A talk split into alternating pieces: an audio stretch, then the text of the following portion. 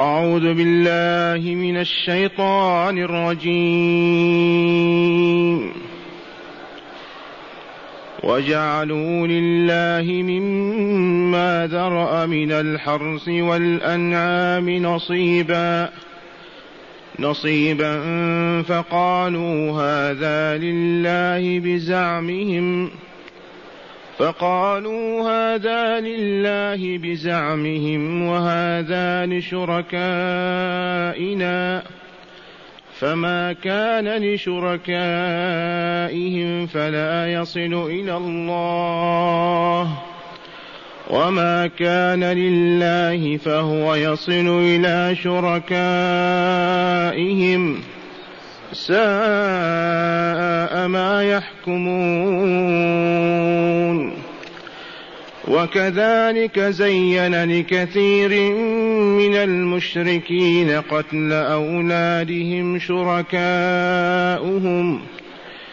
قتل أولادهم شركاؤهم ليردوهم وليلبسوا عليهم دينهم ولو شاء الله ما فعلوه فذرهم وما يفترون. وقالوا هذه أنعام وحرث حجر لا يطعمها لا يطعمها إلا من نشاء بزعمهم. وأنعام حرمت ظهورها وأنعام لا يذكرون اسم الله عليها لا يذكرون اسم الله عليها افتراء عليه سيجزيهم بما كانوا يفترون وقالوا ما في بطون هذه الأنعام خالصة لذكورنا خالصة لذكورنا ومحرم على أزواجنا. وإن يكن ميتة فهم فيه شركاء سيجزيهم وصفهم. إنه حكيم عليم. قد خسر الذين قتلوا أولادهم سفها بغير علم سفها بغير علم وحرموا ما رزقهم الله افتراء على الله. قد ضلوا وما كانوا مهتدين. معاشر المستمعين والمستمعات من المؤمنين والمؤمنات أذكركم بأن العرب أهل هذه الديار كانوا يعيشون في ظلمات الجهل وظلمات الشرك والكفر. وكانوا أحط الناس. ولكن الله عز وجل أكرمهم بأن اصطفى من بينهم محمدا صلى الله عليه وسلم وأنزل عليه كتابه فآمنوا واهتدوا وكملوا وسعدوا. وما زالت هذه الدعوة المحمدية قائمة إلى يوم القيامة.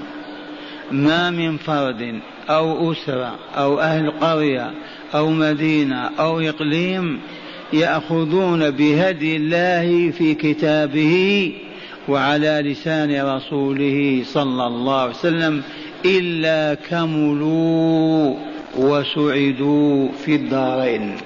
لأنه دواء صانعه الله عز وجل العليم بالعلل والأسقام والأمراض فهو دواء لكل العلل والأسقام والأمراض. فمن أقبل عليه في صدق واستعمله في نية صادقة شفاه الله عز وجل. وعلى سبيل المثال لما عم الشر والظلم والخبث والفساد العالم الإسلامي. كيف تقول هذا يا شيخ؟ أما استعمرتنا بريطانيا وفرنسا وإيطاليا وأسبانيا وحتى هولندا العجوز؟ من أندونيسيا إلى موريتانيا. من يرد؟ كيف يسود الكفر الإيمان؟ كيف يحكم الكافرون المؤمنين؟ والجواب أعرضنا عن كتاب الله وهدي رسوله صلى الله عليه وسلم. فنزل بنا ما نزل. إذا وشاء الله تعالى أن يقيم الحجة له على البشرية كلها. في الوقت الذي صفق الشرق والغرب وزغردوا وولولوا وقالوا انتهى الإسلام. ولن تعود له دولة. ولن يسود فيه طهر ولا صفاء. وظنوا أنهم بلغوا منتهاهم. لن ترفع راية لا إلا بعد اليوم. فجاء الله بعبد العزيز بن عبد الرحمن آل سعود مع مجموعة من أصحابه وأقام الله تعالى بهم دولته في هذه الديار. ولا ينكرها إلا أحمق أو جاهل أو مريض. وطهر الله هذه الأرض كما طهر على يد رسوله صلى الله عليه وسلم. فلم يبق من يحلف بغير الله ولا من يذبح أو ينذر لغير الله ولم تبق قبة ولا قبر مشيد مصان عليه تابوت يعبد من دون الله. من طرف المملكة إلى طرفها وساد حكم الله فأقيمت الصلاة في العسكر والمدنيين والأغنياء والفقراء أجمعين. وجبيت الزكاة وأمر بالمعروف ونهي عن المنكر. وأقيمت حدود الله فرجم الزنا وقتل القتل وقطعت أيدي السارق وتجلت حقيقة هذه الملة المحمدية.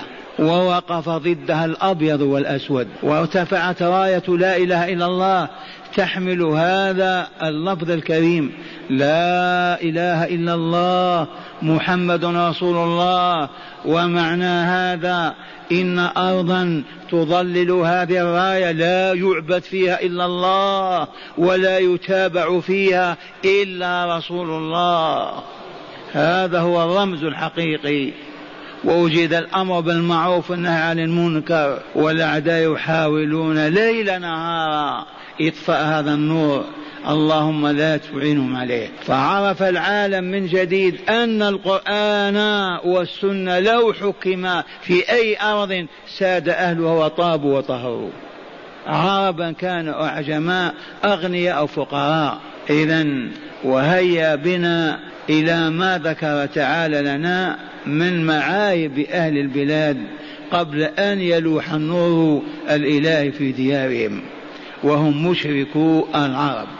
بإيجاز بالأمس عرفنا من قوله تعالى وجعلوا لله وجعلوا من هؤلاء العرب المشركون في هذه الديار. مما ذرأ أي مما خلق والخالق هو الله من الحرث والأنعام. الحرث ما يحرث من الزروع على اختلافها والأنعام والإبل والبقر والغنم. جعلوا لله نصيبا. وقلنا هم في هذا مع جهلهم خير من العرب والمسلمين لما جهلوا. لعلكم تذكرون.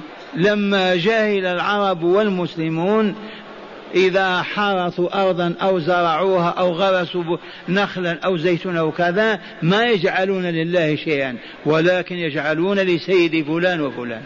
سمعتم بهذا ولا لا؟ والمشركون العرب يجعلون لله شيئا ولآلهتهم آخر.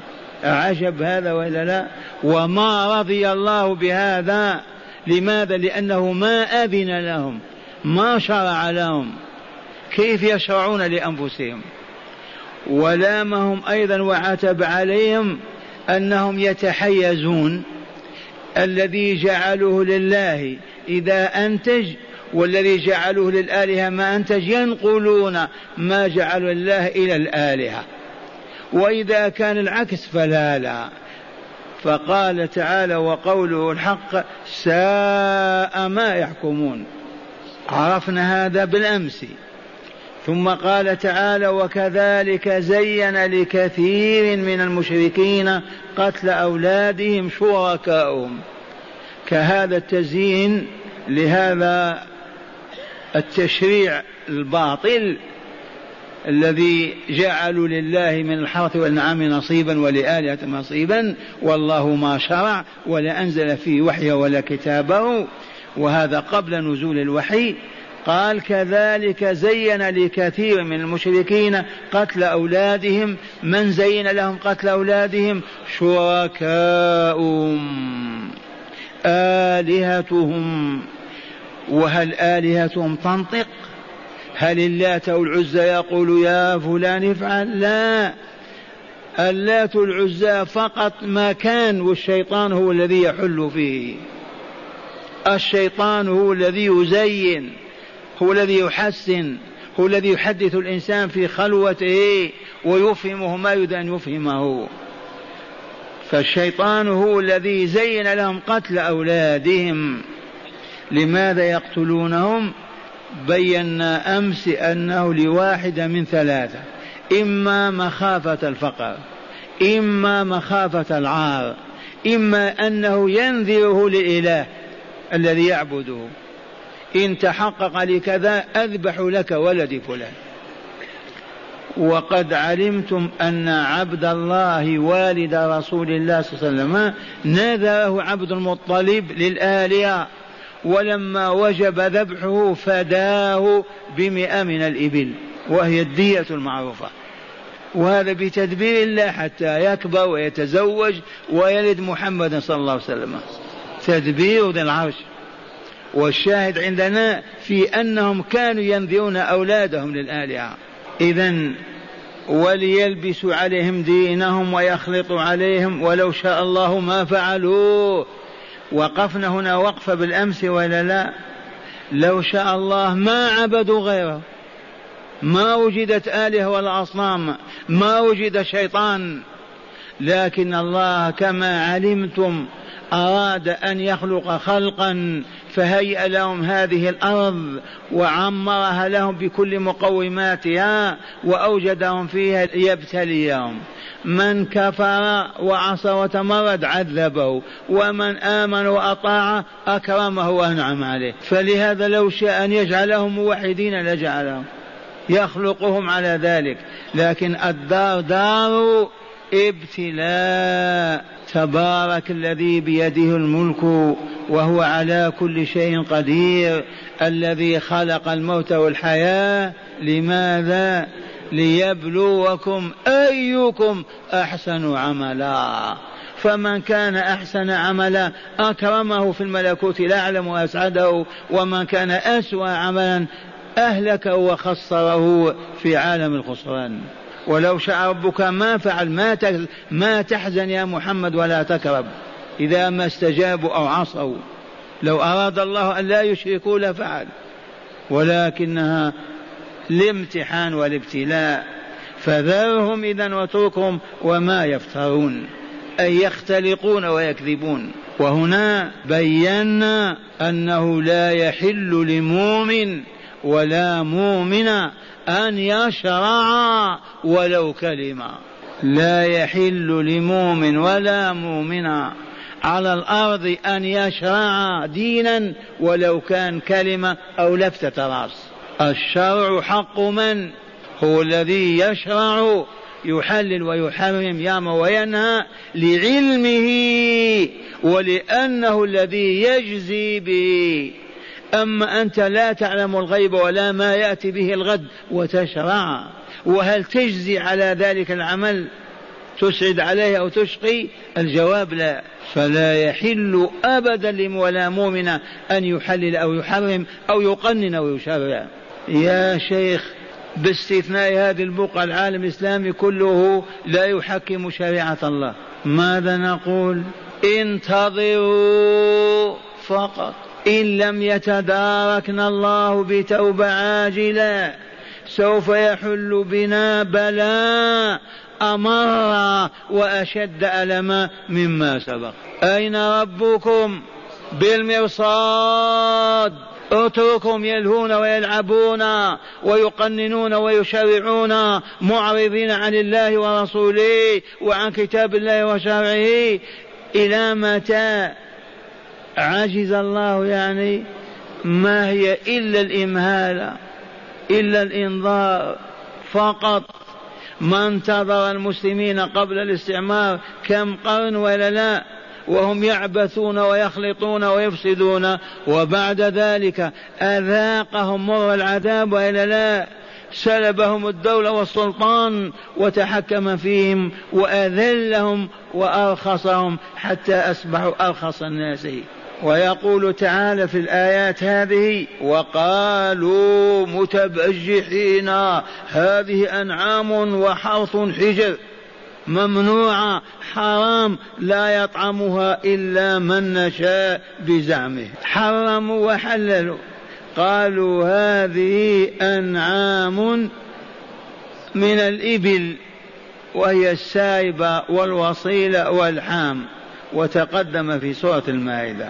أنواع من الإبل يحرمون ويجعلون للآلهة. هذه أنعام وحرث الحرث ما يزرع ويحرث. أنعام وحرث حجر ومعنى حجر محجورة ممنوعة. وسمي العقل حجرا لأنه يمنع صاحبه من القول السيء والعمل القبيح. وحجر القاضي على كذا منع الحجر المنع والحجر بالكسر وبالضم وبالفتح. حجر كذا ولا لا؟ وأنعى نعم. لا يطعمها إلا من نشأ بزعمهم. ذاك الحرث الزرع البر ولا الشعير ولا التمر لا يطعمه إلا من يريدون إطعامه. وجعله محرم على الناس. تشريع هذا. وكذلك الأنعام إذا ذبحوا البقرة وإلا البعير ولا يأكلوا إلا من يريدون ويأذن له بالأكل.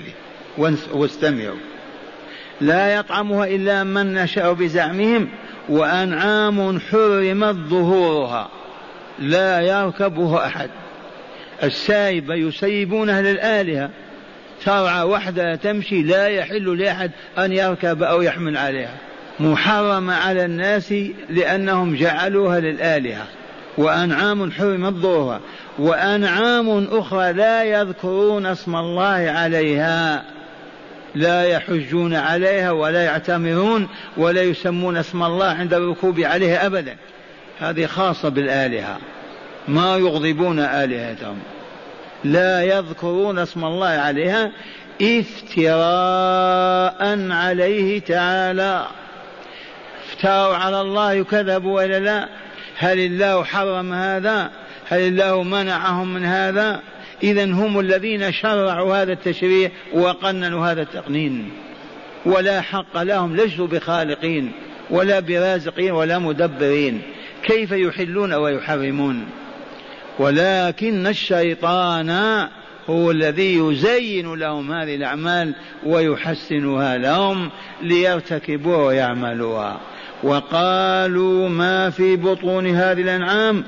خالص لذكورنا ومحرم على أزواجنا. سيجزيهم بما كانوا يفترون يوم القيامة إلا من تاب منهم وأسلم ودخل بالإسلام. نعم سيجزيهم بما كانوا يفترون ويكذبون على الله يحرمون ويحللون.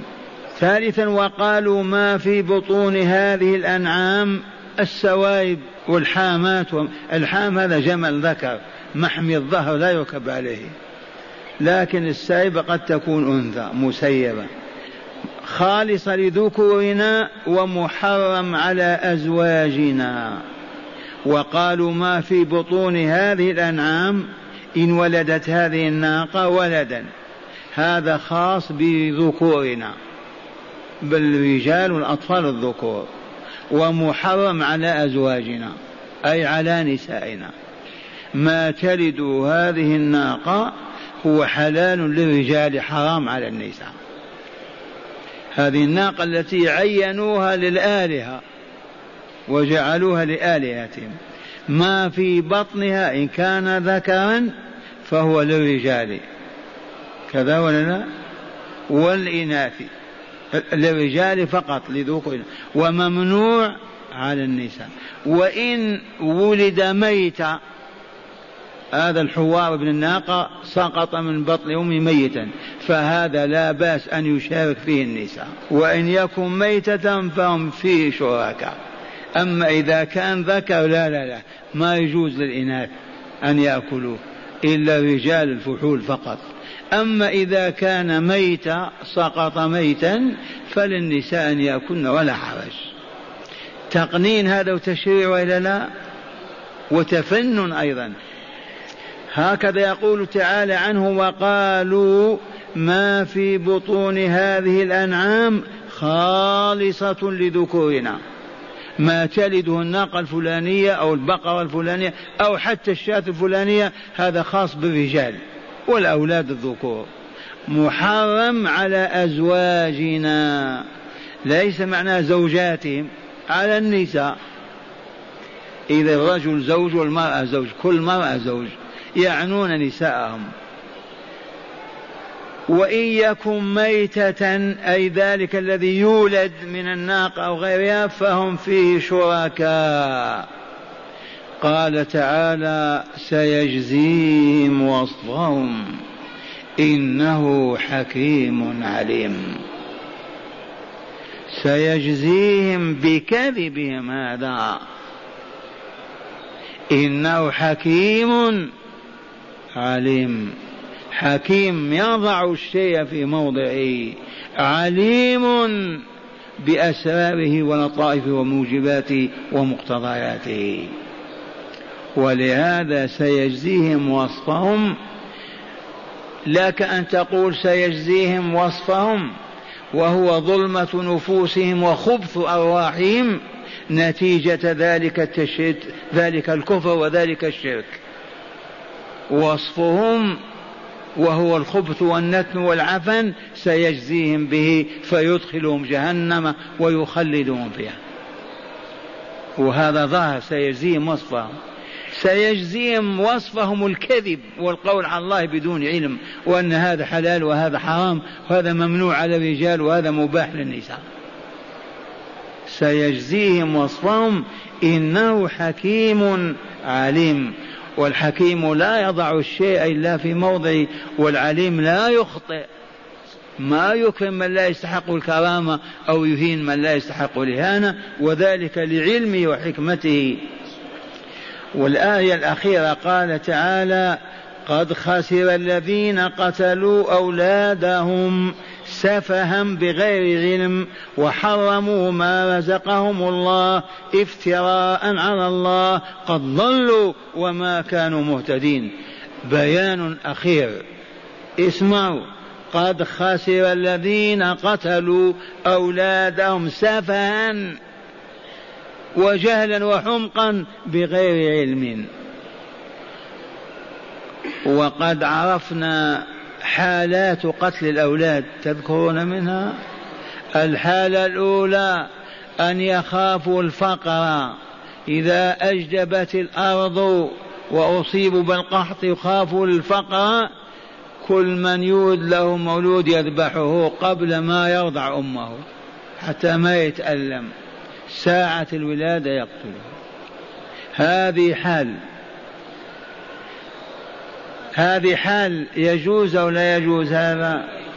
وقد ظهر في العالم الإسلامي منذ سنيات من أعلن منع تعدد الزوجات منع تعدد الأولاد.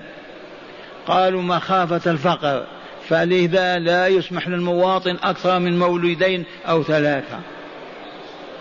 سمعتم بهذا ولا أليس هو هذا المنع؟ ما الفرق؟ قالوا خزانة الدولة ضعيفة والشعب يتسع حاله إذا ماذا نصنع؟ إذا حددوا النسل بكذا وكذا. من فعل هذا فقد كفر وخرج من الإسلام ودخل في زمرة هؤلاء المشركين الكافرين. وإن قلت وكيف يا شيخ؟ أنتم مسؤولون عن قوت وعيش الناس؟ أنتم تقدرون إعاشة الناس ورزقهم لو شاء الله لمنعكم الطعام والشراب. فوضوا الأمر لله عز وجل. اطلبوا طرقا سليمة وصحيحة لتوزيع الطعام على إخوانكم وإنتاج الطعام. لا أننا نحدد النسل. لو شاء الله أن يحرمهم مئة سنة ما تولد مرأة بينهم. انتهى ذاك الشعب نهائيا. وهذا كله ناشئ عن الجهل بالله وعدم الإيمان به وبعلمه وحكمته وقدرته. ما عرفوا الله. ثانيا يخافون من العار أن يلحقهم فيقتلون البنات فقط. كيف يقتلون البنات؟ عمر يذكر هذا ويبكي دفن ابنته وهي تبكي وينفض الغبار عن لحيته رضي الله عنه وأرضاه. في الجاهلية يخاف الفحل أن هذه البنت تكبر ويختطفها ويأسرها من العدو وتصبح حرمة عندهم وزوجة وأنا غير راضي بهذا. فأذل وينكسر أنفي إذا نتخلص منها أولى واقرأوا وإذا الموءودة سئلت يوم القيامة بأي ذنب قتلت هذه؟ زنت؟ سرقت؟ كفرت؟ ماذا؟ كيف قتلت؟ رضيعة ما زالت ترضع لها ذنب يعني؟ بأي ذنب قتلت؟ اللهم لا ذنب إلا أن أباها المشرك الكافر الذي ارتكب هذا الذنب. ويا ويله. رابعا أو ثالثا ينذرون للآلهة. تباتم نحن ننذر للأولياء على أن نسميه باسمه. يا سيدي فلان إذا رزق الله ولد أسميه على اسمك. يتوسل بهذا. أما المشركون لا يقدموه ضحية. لذلك الإله الذي نذر له. وقد علمتم نذر عبد الله ابن عبد المطلب. دليل قطعي. عبد الله ابن عبد المطلب. إذ نذره والده لله ولكن الله أرد ذلك عليه ووفق باتجاه خاص إلى أن يذبح مئة بعير بدله. إذا يقول تعالى في هذا الحكم قد خسر الذين قتلوا أولادهم سفها سفها أو علما طيشا وحمقا لا بصير ولا معرفة بغير علم وحرموا ما رزقهم الله من المآكل والمشارب والمراكب السوائب والحامات وغير ذلك. افتراء على الله. فلهذا كل من يبتدع بدعة فقد كذب على الله عز وجل وابترى لا حق للتشريع إلا لله عز وجل. افتراء على الله قد ضلوا. ضلوا في متاهات الضلال إلا أن ينقذهم الله عز وجل وما كانوا مهتدين. معاشر المستمعين أتل نقرأ عليكم ما في الكتاب في الآيات الثلاث هذه الأخيرة. يقول هذا ما دلت عليه الآية الأولى أما الثانية وهي قوله تعالى وكذلك زين لكثير من المشركين قتل أولادهم شركاؤهم. يريد وكذلك التحكم الباطل والادعاء الكاذب في جعل الله في جعل لله شيئا مما ذرأ من الحرث والأنعام. ثم عدم العدل بين الله تعالى وبين شركائهم زين لكثير من المشركين شركاؤهم وهم شياطينهم من الجن والإنس. زينوا لهم قتل أولادهم كالموؤودة من البنات. خوف العار وكقتل الأولاد الصغار خوف الفقر أو لنذرها للآلهة. وفعل الشيطان ذلك من أجل أن يرد أن يرديهم أن يهلكهم ويلبس عليهم دينهم الحق أن يخلطوه لهم بالشرك. وهو معنى قوله تعالى ليردوهم وليلبسوا عليهم دينهم. نبهت أمس أن لهم كان دينا ورثوا عن إبراهيم وإسماعيل وعن أحفادهم وعلمائهم ثم مات العلماء وتغلب الجهل وأشركوا بالله. وأن الذي جاء بالأصنام هو من؟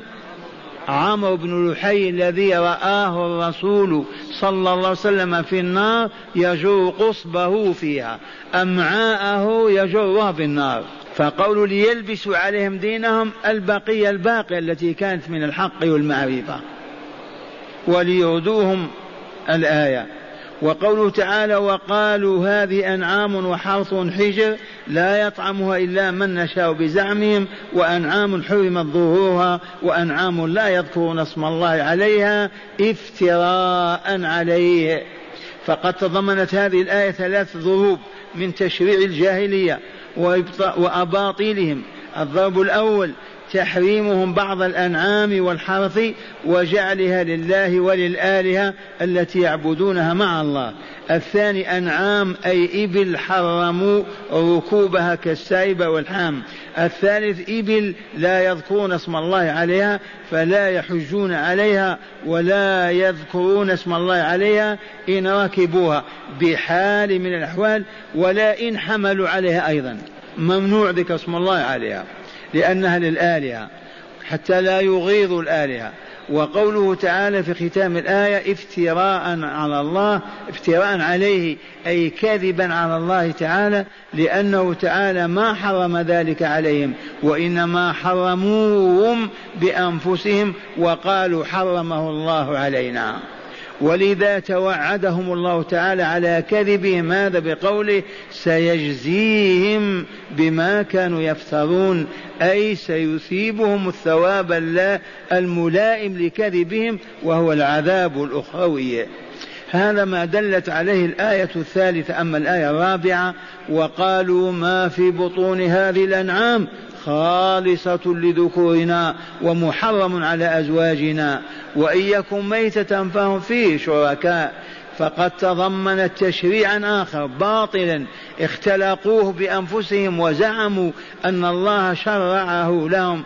وهو أنهم حرموا ما في بطون بعض الأنعام على الإناث وجعلوها حلالا للذكور خالصة لهم دون النساء. فلا يشرب النساء من ألبانها ولا يأكل لحوم أجنتها إن ذبحوها ولا ينتفعن بها بحال من الأحوال. اللهم إلا أن ولد الجنين ميتا فإنهم لا يحرمونه على النساء ولا يخصون به الذكور. فيحل أكله للنساء والرجال معا.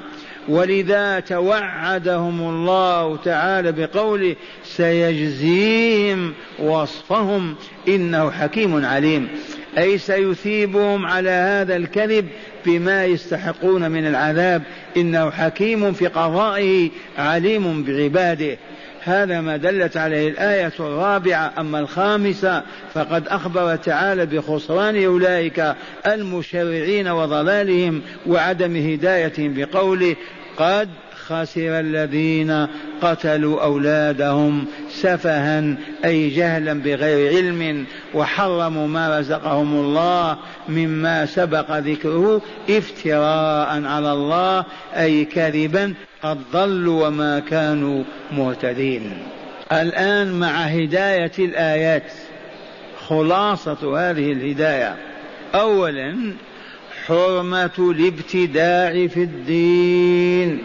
لا يحل لمؤمن ولا مؤمنة أن يبتدع في دين الله كلمة أو حركة ويدعو الناس إلى العمل بها ويعدهم أو يبعدهم. إذ هذا حق الله.